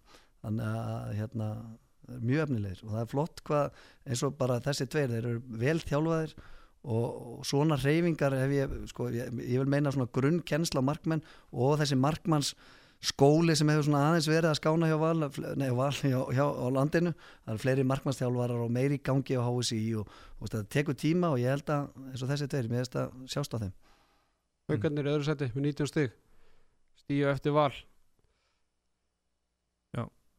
Káa dottir duttunir í, í, í nýjönda seti það er hérna bæði er og, og IBF fara, fara upp fyrir það. Já, sérðu, eru haugarnir að fara vera deildamestrar eða er Valur skrifinu over? Ég vil meina að þetta sé svo erfitt að segja þetta núna því að það eiginlega nákvæmlega sem ég sagði á hann að það er rosalega bara hvernig meðslinn verða og hvernig takturinn er og þetta hverju verða deildameistarar það held ég að það sé lið sem að klúður ekki leikjanum á móti akkurir grótu þú veist og Valur er búið að tapa á móti stíja móti fram og þetta er svona þarna held ég að það en hauka koma klálega til greina. En, en Káa, eru þeir að fara í úslutkefnin eða þurfa þeir kannski frekar að vara sig við fallsetin? Já, skáa náttúrulega vera spútning liðin í haust og, og heimavöllurinn er svona eitt skemmtilegasti heimavöllurinn og hann mun alltaf taka einhver stig, ég held að sé alveg ef menn mæti ekki til leiks alveg full á, í gáheimilið þá tapa þeir. Og hérna, þannig að þeir mun alltaf vinna dóldi á því. En ég ég finnst einhvern veginn svona eins og nýjunda, tíunda setja sér þeirra Ég held að liðin sem eru núna í, í eftir áttasætunum fara í úsleita kemna Já, það er mín skoðan, Já, það er, þá væri þá heldur ekkert óvart. Þetta eru liðin sem voru spáð í fyrsta áttu það enda svona dóldi eins og eins og þetta var að tala um í byrjun, er það ekki rétt? jú, fyrir utan kannski fallsetin eða Káa Akkurinn alltaf var spáð fallseti nánast á öllum sko þannig að það er svona einu liðin sem eru kannski óvæntu stað í deildinni.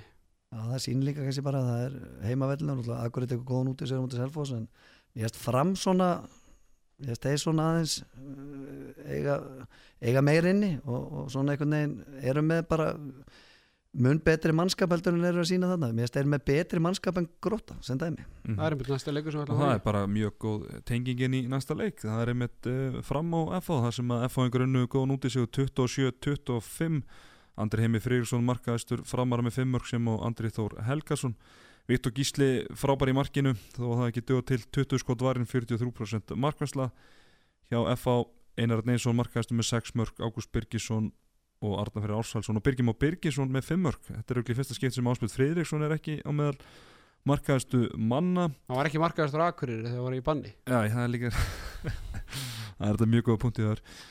Uh, þannig að hann tók út á læginu Já, F-fáingar 13-8 yfir í í hálfleik það sem er sko framarinn í gjósala skelvilegir, skelvilegir í, í fyrirhálfleik þar sem er voru með fjöldatapa bolta þrátt fyrir að og, já, fimmirkum undir þrátt fyrir frábæra framistu Viktor Skísla í, í fyrirhálfleik en þeir náða að vinna sig aftur inn í leikin já, ég meina þú varst á, á þessu leik þannig að leit ekki vel út í hvað þú sagðir í hálfleika framæðin hefði bara verið skelvilegir þetta bara, bara grín að horfa upp á þetta. En svo kíkti ég á stöðuna hálftíma setna þá bara fram tveimörkum yfir og okkur á 5-6 minnir eftir. Það sem að gerist eiginlega í setniháleik og þeir eh, ná að jafna þarna um og komast yfir þarna um miðbygg mið- miðbygg setniháleiks að það sem að gerist er að uh, Birkir í markinu, við höfum séð þetta áður og, og Basti talaði með um þetta í setnibilginu síðasta hætti og mér finnst það svolítið góða punktur og, og maður er kannski ekki pælt mikið í þessu áður að hann er oft frábær í, í, í fyrirháleik en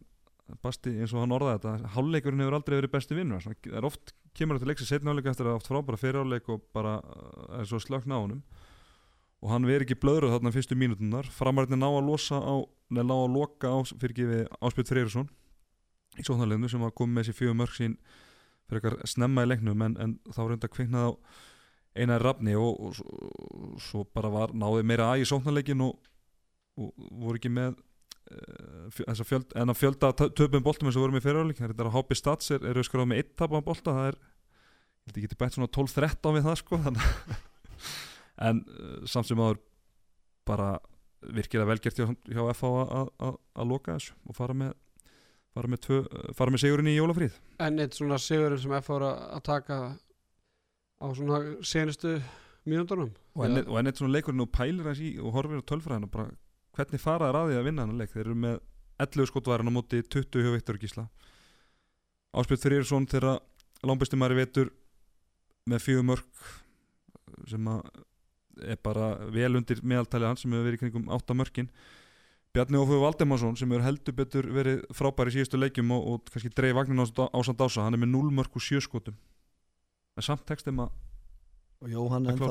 Jóhann ennþá Jóhann, meiddur. Jóhann Karlan þá frá Jóhann Birgi var ekki með þannig að ekki var ekki gótið rúla mikið á breytinni þetta sýnir svo, ég held að F eins og við tölum um að þetta er svona eitt stabilasta liði núna þannig sko, og segast að Já, liði segasta lið ótrúlegt eiginlega hvað hvað er eiginlega eru svona í bara hafa haldið því að vera topplið með hvað er mistu þannig að þetta er bara svona deja vu leikur, þessi sigur. Þetta er búið að vera aftur og aftur og aftur. Mm og leikum að því þar Rósa Einar Rafn Eysson hann uh, hafði hægt um sig í, í fyrir áhulleik en uh, kemur virkilega sterkur inn í setni áhulleikin skorar 5 mörg uh, mikila mörg og, og bara eftir erfið að byrja dildin þá har hann verið að, svolítið að, að, að vakna til lífsins og, og, og það er ekki síst bara gleðið efni fyrir F-fáinga fyrir setni hlutan í mótunum það er kannski, það er allavega lítur út fyrir það, hann fór í þessu hvað sprautu á Sprautu, öxl já. og hún er kannski eitthvað virkað því að hann skautu allavega markið þarna í, í byrjun tíabils, það er bara lengi vel mm -hmm. svo náttúrulega bara eins og ási þú hún skor ekki mikið í þessu leik og held ég að sé klárt mála hann er, hann er búin að vera besti leikmaðurinn í heila í ólistildinni sko. Er einhvern veginn bara besti það er svona, mér finnst að minna mig á Jón Kristjánsson sem var í val. Mér finnst hann bara finnst hann er bara alltaf góður alltaf þetta Mhm. treysta á hann. Endur Samson við erum sjáttu núna annan leikinu rauð við sáum að haukandi náðu líka í báðum sér leikjum að þá, þá byrjar hann virkilega vel og komið með eitthvað fjögum mörg bara eftir uh, bara korter eða eitthvað. En framararnir eins og haukandi ná, að- ná að loka á þannig að það er spurning hvort að önnu lið munu eitthvað uh, skoða hvað þau voru að gera til að ná að, til að, ná að halda hún niðri því að það er klálega leiðin til að vinna F-fáingun er, að- er að stöða hann. Svona já og nei. Uh, unnuður ekki fram og, jættefli við hauka og, þannig að þeir eru þeir eru náttúrulega með, þeir, þú veist, þeir eiga einar inni Bjarni var lengi í gang svo fer hann upp, svo finnst mér eiga hann Jóa inni. Þeir eru líka bara með mjög gott lið, ég held að það sé bara staðrind mm. Hérna- hérna, rútin er þær. Já, rútir þeir eru bara, sko, þetta er eitt svona best, eru, sko, þegar þeir eru þá er þetta svona, er ekkert að spila kerfi finnst mér eitthvað endilega eitthvað frábælega þeir eru bara góðir í handbólta það er bara svona kennslu efn að horfa þá stimpla og, og bara gera þetta vel. Og mér veist svona, mér veist fyrir Bjarna þá náttúrulega var hann að fara úr gróttu í FH og komast inn í taktin með Ása og Einari sem eru frábæri handbóltamenn Jói svona þekkti á meira og, og mér veist hann til mér vera eh, vaksandi leikmaður líka, sko, það er ótrúlega erfitt að eiga við hann einn og einn þannig að þeir eru ótrúlega erfitt að mæta þeim. Og svo með frábæna línumann. Mm -hmm. hérna það er eitt með varandi ása að hérna, þú er náttúrulega búin að tekjast aðeins íslenska landsliðinu og bæði Tetti og Átni Stefán sem hafa, verið í þættunum hafa svona viljað að hann fengi þetta tækifæri með allavega bjölandsliðinu og náttúrulega hann er búin að vera frábær í, í ár. Ég er svona aðeins að vera að tala hérna, tala þá til hérna félagum minni í handkastin en, en hvað er svona þín Ég- veist persónulega hérna, ég kem nú kannski að því líka, ég var náttúrulega bara í fyrra eða eitthvað, en mér veist ásið að vera að spila það vel að hann hefur átt að vera allavega í bílansliðum. Ég held hans ég ekki alansliðsmaður, sko að því að mér veist hann daldi minna mig og Jón Kristjáns, Haldur Ingóls, hann er frábær, hann, hann gæti alveg verið þar, af því að hann er bara það góður í handbólta. En mér veist hann svona vera einmitt bílansliðsmaður og bara uh, alltaf veit besti leikmaður í deildinni. Mm. hvað er það sem vantar upp á til hann geti Já, ég menna það, það er nú bara að láta reyna á það til að maður sé, Já. þú veist, hann klárlega á að fá eitthvað, sko, hann er orðin 30, hann fættur 1988 og, og, og ég hef svona undan, allavega síðustu tveim árum hefða hann mátt fá séns í bílið, alveg klárlega þannig að ef hann spila mjög vel þar, nú þá er hann fann að setja pressa á að fara í, að fá eitthvað í aðliðinu, hann er góðu miðumöður, þetta er, er frábæð karakter og, og, og ég, eins og ég segi, mín tilfinning er að hann, hann mun ekki alveg vera alhansleismöður en, en á að fá séns í bíl mm -hmm. Framarðir Já, uh, ekki bara byrja á Viktor Gísla hann, þeir geta nú ekki hvarta mikið í honum við framistöðinu, gjörsalega frábær og, og Viktor Gísli sem bara viljum sjá 20 skot varinn 43% markværsla var það bara að landslýspressa var farin að honum og þá var það það eða eitthvað annað sem var til þess að hann átti svona frábæra leik? Það er allavega ég- jú, hann hlýtur að segja eitthvað að hérna, hann ætla að mikið tala um hann og hann, ætla, hann hefur kannski ekki verið hitt á leikinu ég ætla að vetur og, og hann svona ég ætla nú að gefa mig það fyrir tíðanbili að hann hefur svona sett HM svona ofalega á, lista allavega að vera einn af þessum fjórum með þrem og vera allavega svona eiga sjens á að fara til Þýskalands. Já, ég held að hann muni verið kringum þetta landslið alltaf og, og ég held klárlega að þetta hafi hjálpað hann núna að vera ekki valin að það er að segja að bara hann, þetta er, þetta er hérna, hvað ég var að segja, þetta er mjög efnilegur og góður strákur sem að, þú veist, var svona alltaf reyður og þurfti svona alltaf að sína svo að sanna í staðan fyrir að vera að verja alltaf eitthvað og, og svona dáldi mikil gaggrin á hann, nánast alltaf. Ég var nú bara að vera hinskilin vikur ég hef ekki hlusta á alla þættin í vikur ég vissum að þið hafi verið að gaggrin hann eitthvað og nánast tekið fyrir hverju þætti á sendibilgjunni síðasta suma dáldi erfitt maður hafa tilfinninguna að það vildi fara fram og, og var eitthvað svona og svona og, og að þetta er ungu strákur, ég held að þetta hef ekki verið gott fyrir hann Mm. fer ekki alveg rétt inn í svona veturinn held ég. Uh, var hann til landslið þá finnst mér hann eigi alltaf að vera í kringum þetta. Þetta er bara mikið efni og, og með Tómas Svensson að vera að vinna með hann bara, bara við höfum að djöflast á og ég er ekki að segja hann eigi endilega að vera einn af þessu fjórum en hann á klálega að vera alltaf í kringum þetta. Ég er búin að stinga upp á að ég veit að það er fullt að lausa tímum í Sagamirinn um helgar sko, hann á bara að hitta Tómas Hansson á söndagsmótnum eða eitthvað sko. Ég menna og svo bara spurning hvað hann er átt að fara út núna bara strax í dag og, og vera í Magdeburg og hann á bara, þú veist, Svensson á bara að taka hann að sig ég veit að Svensson er miklu að trúa á hann og ég held að, að hérna við erum að sjá bara sjá hvað hann getur gert fyrir hann. En ég meina í, fyrra þá gatt hann framvarnir falið svo baku að þeir voru bara hörmung og varnarlega voru lélegir, sóknarlega lélegir þannig að hann var að fá fullt af hraðaflismörgum það er nú ekki verið kannski sama sagan í, í vetur, hann er bara ekki hefur ekki að vera að verja er, menn, ég ætla ekki að fela það að hann er ekkert verið góður. Nei. og, og hann, hann þarf náttúrulega átt að segja því hann kemur 16 ári inn, hann er, með, hann er hávaksinn hann er með góða tækni, en hann þarf að verja náttúrulega meira, nú er hann með betri vörn hann er klárlega með betri vörn, hann er með ægi sem er bara mjög gott að standa bakvið hann er með, með andra, heimi sem varnamann, þeir eru fram á að geta stilt upp mjög góð varnarlið og hann klárlega, hann er komið mjög góðan hérna, varamarkmann og, og hérna þannig að hann náttúrulega bara örugglega ekkit, alls ekkit ánægð með hvað hann er búin að hver prósentin er í honum og hvernig hann er og hann þarf að að halda áfram náttúrulega að vera starta og stöðut að bæta sig og setja kröfu og samla sig Mhm. og ég minna getur ekki sagt hann sko, til að vera einn af þessu fjórum hann hefði ekki þurft að eitthvað frábært mót bara hann hefði verið la-la, það hefði líklega dögað hann sko. en það er bara það hversu í rauninni uh, undir parið eða hvernig orðið það hann hefur verið í vettur sem verður til þess að hann, hann er ekki valin í þetta í þetta uh, í hennar landshóp en það er spurning svona hvernig erfitt að eiginlega velja hann, þú veist Já. ef hann er ekki, framistæðan er ekki sko, þú Já, veist þú ert með það með Daniel sem er búin að vera frábær og Ágúst Eli verið að spila vel sem er ekki gamall heldur sko. En svo er spurning hvort umræðan hefur verið öðru sem ef Daniel væri í Svíþjóð Já. að það væri ekki hægt að miða við þá neitt sko að út af því að menn þá hafa getur við, við nefnt Sveinbjörn eða Já, menn það hafa verið að kalla skilu, Daniel Frey vilja að fá hann í tækifæri senustu ár sko, og svo kemur hann heim núna og fólk loksins fær að sjá hvað hann getur sko. En þetta verður svona fram og tilbaka væntalega hjá hann í landstöðun, það var þannig líka hjá Björgunni Páli skilur það, þú veist, hann var í kringum þetta nálat þessu og datt út og setta og Mhm. ég vona það, að hann, bara einhvern uh, sko þegar rétti tíminn er hann fóði tækifæri og, og hérna og við þurfum, við þurfum svona manni merkið Mhm. með svona hæð og svona tækni og einhvern tímann þarf bara honum inn í þetta. Já, já, er klálega ekki rétti tíminn örgla núna með að við framistu Mhm. Já, gæðin átján ára sko við Já, ég er, að- ég er að segja það. að- þurfum ekki að stressa okkur mikið held ég ekki bili sko. Já, hann getur spilað með, að við, með Linn Mortens og fleiri þá og hann alveg hvað ykkur 30 ára eftir. Ekki nema, heyrðist á Þorstitt Gutti Hálmarsson sem hefur verið uh, frábær í, í síðustu leikjum hann átti erfitt uppbrottar og, og, uh, og þá er kannski sóknarleikum framarinn ekkert spes, fjúr mörkur 11 skotum. Nei, og líka í, þar sem að hérna Þorgrinn Smári er að drefast í hendinni einni og getur voða lítið beitt sér og lítið skotið þannig að þá þurfa að treysta ennþá meira á Þorstein Gaut og hann bara hitti ekki á á sinn dag með aðeins betur skotendingu þá hefði Sigur jafnvel bara farið kannski þeirra megin og ég náttúrulega var ekki á leiknum, ég veit ekki hvernig þetta þróaðist þannig að þeir komast yfir, minnst bara ótrúlega að þeir hvað voru konið tveimörkum yfir að tapa svo með tveimörkum, þannig að það er aldrei sveiflað þannig í, í lokin mm -hmm. þannig að það er bara svekkjandi og, og staðin er nú bara þannig að, að fram er í fallseti þegar þeir fara í jólafríð og þeir hafa ekki verið að ná í mörg stig að undanförnu og þeir eru komið þrjá sigurleiki í 13 leikjum og með 7 stig í heildina bara Er þetta ekki bara einn mestu vonbreiðin í deildinni? Eða svona þegar við horfum á þetta fyrir jól? óskapétnar allar saman því Já. Já, ég held svona að þeir eiga vera með fleiri stig. Það er þetta að setja náttúrulega stjarnan alltaf að byrja með þeir náðu sér svo strik. Í er á meira inni. Ég held að svona að hérna frammarnir eig ég held að þeir séu ekki ánæðir það getur ekki verið, dotnir úr byggarnum og, og svona kannski var Arnar Birki bara svona mjög mikilvæg fyrir þá. Hann var alltaf bara eitt besti leikmar í dildinni og það var alltaf mikið rætt um það hvort en að myndu ná að fylla hans garð og hann er, hann er frábær Mm -hmm. Landslismæður? Já, hann er uh, sko, hann er ótrúlega segur Já.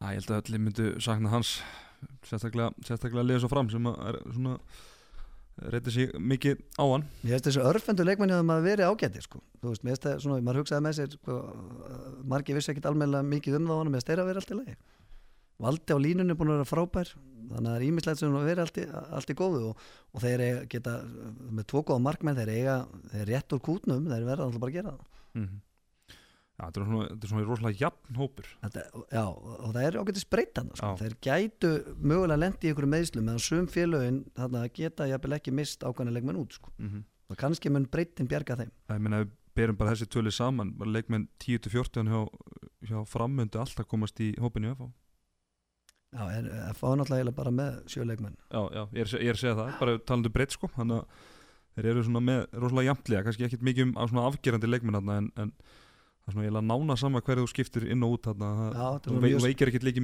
veikist ekkit mikið sko. en ef, á móti ekki mér ætlum ekki að vera að segja að F-fáingarnir eru bara með ung, þeir velja daldi þetta að vera með mjög gott byrjunarlið Já. og vera svo bara með unga F-fáingar sem er að standa sér mjög vel í þrjaflokki og ulið er að koma upp mm. þannig að svona, ég er að meina að það eru strákar sem að kannski þú veist og þeir, þeir taka þennan, þessa daldi filosófi framar eru með daldi tvo álíka menn og, og svona það vantar eitthvað það vantar eitthvað svona smá upp að það mikið náttúrulega aðkofumenn Já, Já, menn hérna kannski- menn hérna og þaðan. Já, Akkurat Herðu, þá er nú ekkert mikið meira um uh, þennan leika að segja en uh, kannski fara hans yfir stöðuna svona í í, í lok árs að valsmenn eru efsti með 20 stig haukar með 19 í öðru Selfoss og FH í 3 og 4 með 18 stig afturölding í 5. seti með 15 IBF kom í sjötta seti, þeir fóru upp fyrir stjörnuna með, með sérunum í, í, í ger sem er svolítið magna með umræðan um þessi tvölið hefur verið að þeir, þau fari inn í, í nýja árið með uh, IBF sem sett í sjötta seti með 12 stig sem á stjarnan sem er í því sjönda, I er í áttunda seti með 11 stig, K er níunda með 10 uh, Akur er í tíunda seti með 8 stig fram í 11. seti með 7 stig uh, Gróta í 12. seti með 6 Óskapæðin, ég ætla að byggja um að velja tvölið svona hvaða lið má svona bestu una með við stöðuna sem eru í, í núna og hvaða lið svona verst Já, þetta er nú góð spurning Ég finnst hún að F á all, afturhelding vera svona uh, hérna, vera að sína að þau eru stöðu hérna upp á topnum topparöndunum uh, fleiri, það er aldrei mörgli sem að mér finnst eiga svona kannski aðeins inni og verður, þetta verður rosalega barátt menn mér finnst í er verið að liða sem er sem að ég hef alltaf talið að myndi vera svona 6-7 en þetta, þetta er líklega bara svo við tölum um þetta er einn besta deild lengi líka sko. Er, þeir eru nú bara einu stíði frá Já, ég er að segja, sko, og þetta er þannig að ég mér er svona, mér er svona fram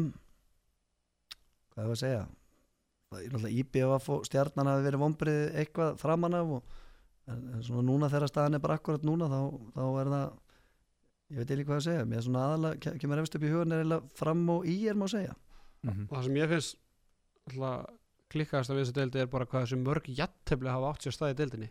Þegar þeim hafa nú aðeins fjölgað í undanförnum umförum að þá er, þetta er ekki smá mörg jattefli í 13 leikjum til dæmis er FA búið að gera fjögur jattefli og þetta er svona, ef við myndum fækka þessu jattefli kannski um ykkur fjögur fimm þá er þetta nú svolítið mikill munur þá á, á, stigum. Ég held að þetta með ekki að fara í framlengingu. Við höfum að fara í beint í að því að uh, þetta er náttúrulega utan bæjarlið líka og ferðarlög og þú ert líka út í eigi með það fyrir norðan. Uppkast, þú vilt uppkast. Beint í vítakefni beint í vítakefni Já. hraðaflöskefni Nei, bara beint í vítakefni og þessi strákar er allir búin að sko, alast upp við að taka og klúðra vítum og, og, og taka og markmenn og, og allir búin að ganga uh, hérna dálítið oft í gegnum þetta. Ég held að vera bara mjög stert fyrir þessi stráka. Þetta eru 13 játefli Já, bara beint í vítum í 13 umferð það er bara mjög gaman. meðaltali umferð. Það er bara frábært, það tekur ekki langan tíma Já. og gríðarlega spenna og, og Myndi, mikið að hetjum, þú fær hérna skilur einhver markmenn sem koma óvart og, og beint í vítum Gott TV gott TV, betra heldur en var. Já, hvernig finnst þú var? Mér finnst það sko, mér finnst það svo ósangjart fyrir liðið svo grótt og fram sem er á botninum sem er, sem er aldrei í, í, er stóru liðið sem fá ekki stóruðslægina að þessi lið, þetta er miklu mikilvæg þau að eitthvað andvik sé skoðað afturlíkuði heldur en topparáttan með allir veitingu fyrir því þá, það er svona mín skoðun en svo ég veit ekki alveg, ég er ekki búin að mynda með skoðun á þessu eiginlega var ég, ég veit ekki eins og hvort að sko húsi gróttu bara leifi stóra útsendingu sko. já ég meina hvað ætti kameran að vera á, á gólfinu? Já, ég meina þeir vallaskóli náðu að græja þetta í fyrra er ekki þetta já ég held ekki þetta nú alveg Það er með herkjum að ég meina kameran þá bara inn á vellur núna, sko. Já, þetta er nú ekki, já já það verður það verður bara ég að- ég pöllunum ég held að stjórnum sport sé ekkert að leika sér með stóru útsendingu þarna sko. Nei, nei, og ég menna Nei, að það er nei. alltaf, þeir eru búin að velja frábæra leiki, þetta er búin að vera sko, frábæri sjónvarsleikir og, Mhm. og, og, og frábært mót segi ég bara ótrúlega skemmtilegt og þetta er bara, allir þessi umfjöllin er svo góð, það er bara seinni bylgjan og, og svo er þið með ykkar og þetta er, mér er svona handbóltin vera mjög góðum stað núna sko, mikið að gaurum að koma upp og allt þetta. En var svona, ég, ég haf eftir að mynda mér aðeins skoðan því, ég vil víta kefni eftir jættefli, það er það sem ég vil og, var kannski í úslega kefni bara þá er það á öllum leikjum. Já, þá er það svona en Sitt fyrst allir sem að borð. þú að byrja 7 og 6 Já, ég held að menn hafi verið miklu hrættari við að 7 og 6 bara menn þurfti að hætta að spila 3-2-1 og nú eru semliðum bara að spila freka 5-1 en 6-0 og 7 og 6 menn er ekkert að nota þetta jafn mikið og, og, og hérna og eiginlega menn óttuðu sko þetta væri bara allir í þessu eitthvað svona sko þannig að ég er svona prívat og persónulega finnst það svona gaman að geta poppað eitthvað upp á þetta en ég er ekki, ég vil bara gamla góða handbóltan ég væri til í að búa til æfingamóta sem við prófum skotklukku og, og það er bara svo mikið útvæðsluatrið en það er svona uh, að fara í gennum það. Og, og hérna sjá aðeins hvort við getum aðeins hraða því að minnst það er sex sendingar það, hérna einhvern veginn stundum leikmenn orðið það klókir og þjálfarar að það geta bara að spila í 20 sekundur 30 eða gera það rétt. Og dómarnir það er erfitt fyrir það að flauta á það. En þannig að ég myndi vilja útværa skotklukku og jafnvel prófa að spila án miðju og taka hérna vítakefni eftir jættefli hérna heima bæta 15 mannum inn á bekk og jafnvel að íhuga að fækka úr 14 í 12 eins og og fjölga félögum þannig og svona, ég held að við töpum aldrei neinn og Mm. við þurfum að gera þetta í skrefum allt saman en við, við eigum að vera við vorum fyrsti til að fara í 14. bekk Mhm. skilur við, eigum að vera fyrsti til að gera ímislegt og það er bara, handbóltin er bara þannig hann er góður hérna, Hann fundin upp á Fimt á Íslandi. bekk, hvað hérna pælingi með því er bara svo, ég, sérfræðingur getur verið Nei, svo ég, að geti, með. svo ég geti tróð mér á bekkin það þurfa ekki að vera á trómunum nei, ég er nú alveg að meina þar í landslegunum það sitja nýju manns upp í stúku og það eru tíu eftirlitis dómarar held ég sko að, að það er bara nöðsælegt út með lækni, lækna sjúkaþjálfara ég vil að öll félag séu með markmannsþjálfara á bekk og, og, og hérna þannig að mér finnst það bara nöðsælegt að, að vera með fleiri. Ef minn í körfinu þá er bara getur hver sem er sest á bekkin í já, ég meina, er það ekki þannig í fótballtanum líka? Jú, Ég meina, jú, við vorum með það er- við vorum með tólk í Ukraínu skilur, við. Vorum með margir Péturs eða ekki skákmann. Og þú veist, og við erum með fjóra og við búin að vera eins síðan 1968 sko. Mm. en það fjölgar og fjölgar, þú veist, við erum að fara upp í 16 sko leikmenn, Já, þú veist með fjóra þarna. Einmitt. Menna, í landsleginu voru við einhvern veginn að skiptast á lækn og sjúkaþálar og þá var alltaf þannig að þeirra þurfti lækni og þá var sjúkaþálar á begnum Mm. skilur og bara Og öfugt. Öfugt Einmitt, góða punktur. Uh, Eru þá er það bara eftir að velja kúlbyrleikmannin Tölvan er í smá brasi þannig að við getum því miður ekki spila uh, intro okkar góða. Þá tekur þú bara lagið. Cool as ice. Nei. Maður er svo riðgar eftir helgina maður. Ég ætla ekki að bjóða upp á þetta sko.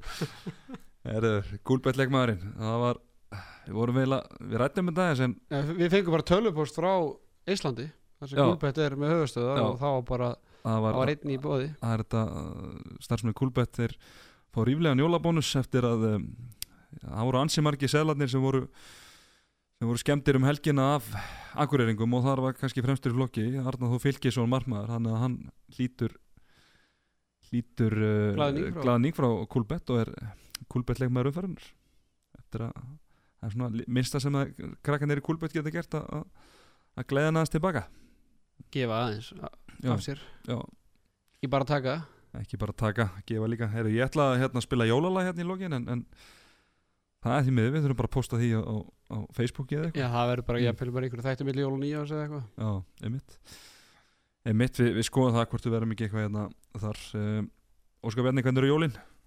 við erum bara frábær Er, það- er það hambúrgarríkurinn? eða? já, þannig að borgar sigur og, og hérna mikið borðað og, og bara róli hitt og indislegt með fjölskyldunni Búin að kaupa alla jólagjafnar Nei, en ég þarf að kaupa tvær, ég er búin að kaupa eina af af þessum dömur, Mm. svo sér betri helmingurinn um afgangin Ó, það er lett maður ha.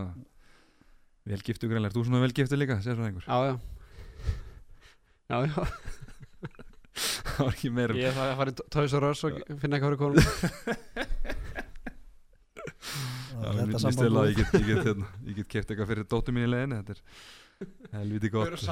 Já, það er vinkonunnar Herðu, Óskar Bendi, bara takk hjá fyrir komuna. Og takk fyrir að, leiða mér að vera, það var Mm. mjög gaman. Og hérna, við fáum þið vonandi einhvern tíðan aftur eftir jól. Sérfræðingur, bara uh, takk fyrir uh, samveruna. Já, sumulegðis og við bara óskum hlustundum allra gleðilega jóla. Og sjáumst vonandi hérna á milli jóla og nýjós Hangast þið þakka fyrir sig. Verið sæl og, og gleðilega jól